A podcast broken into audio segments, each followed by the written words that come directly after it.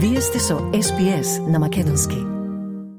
Овој викенд во Вулонгонг, во премиер лигата на Илавара, се игра големото финале, а таму екипата од македонската зеница Кринджила Лајонс е представник во а, големото финале, еден од, една од екипите која настапува, противник е Конистон, а младинската екипа на Кринджила Лајонс исто така игра во финалето, значи за младенци, меѓутоа, тоа е македонско дерби, македонско финале, бидејќи противник на Кринджила Лајонс е Вулонгонг Юнайтед. Секако, овој надправар во недел со почеток од 3 часот попладне е голема шанса за младите фудбалери на Кринджила Лајонс, конечно по 1997 година Тоа е нивно второ големо финале, но и шанса за освојување на прв шампионски пехар. Денес накратко разговаравме со председателот на клубот Стивен Јовановски, па да го слушнеме овој разговор за тоа каква е атмосферата пред почетокот на големото финале. SBS. SBS. SBS. SBS. SBS. SBS Radio. Господине Јовановски, колку Кринджила Лајонс е подготвена за големото финале. Противник е Конистон. Фала Васил што ме покана на, на радио. Играчите се чекат за ова ден да идат цел година работат за да, да играт во Grand Final. Млади се многу е, имаат многу што немат играно во Grand Final, многу се се готови да, да играт и да победиме за недела. Е сега противник е екипата на Конистон првото место во Да, регуларно. со Конистон. Да, надпреварот во колку часот започнува? Во 3 сату во недела на 17 септембар кај Убин Стадиум.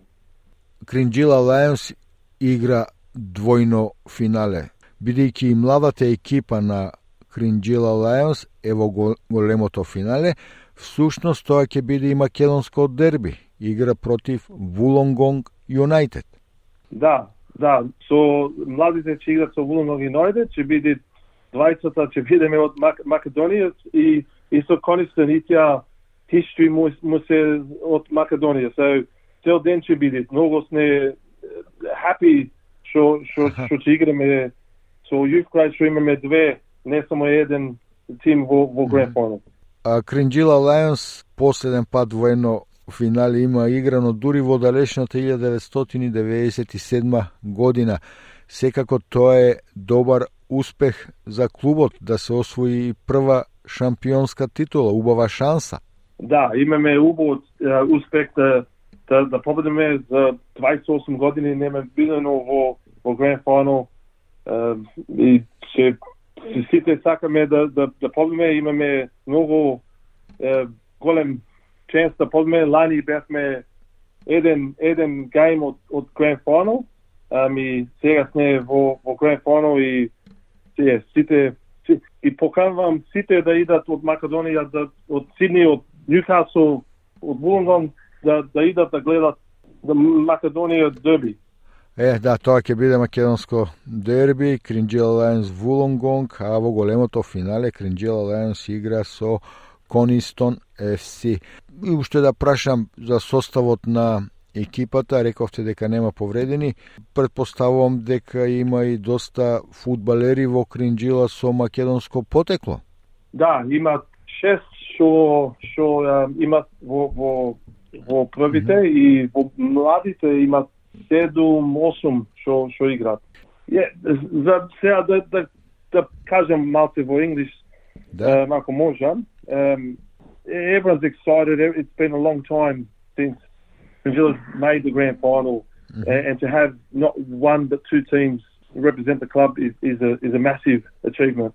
Um, just to be in the grand final is is big, um, and we're hoping to to win both, um, which will be a big turnaround from where the club was only three four years ago. We were at the bottom of the table, so it's been a, a lot of work, a lot of effort, a lot of people have put um, a lot of their, their work and volunteered a lot of time and, and planning to, to make this happen. So, you know, I'm, I'm really happy that we have so many Macedonian kids that play in our team as well. They're all local players.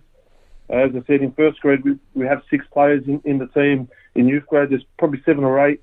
So we're really, really proud um, to be a Macedonian club and have so many Macedonian kids play in the team. I'm expecting over 5,000 people to, to be at Wynn Stadium, but I invite all the Macedonians in the area, and I know I've got phone calls from people in Newcastle and Sydney and in Canberra that are coming down. So I invite everyone to come and watch our, youth grade, which is going to be the Macedonian derby between Cringilla and Wollongong United, and then in first grade at three o'clock between Cringilla and, and Coniston. It's going to be a, a big day, a big occasion, and hopefully we come away with two trophies. Благодарам за овие информации и ви посакувам успех во големото финале. Hvala Vase. Стиснете, ми се допаѓа, споделете, коментирајте. Следете ја SPS на Македонски на Facebook.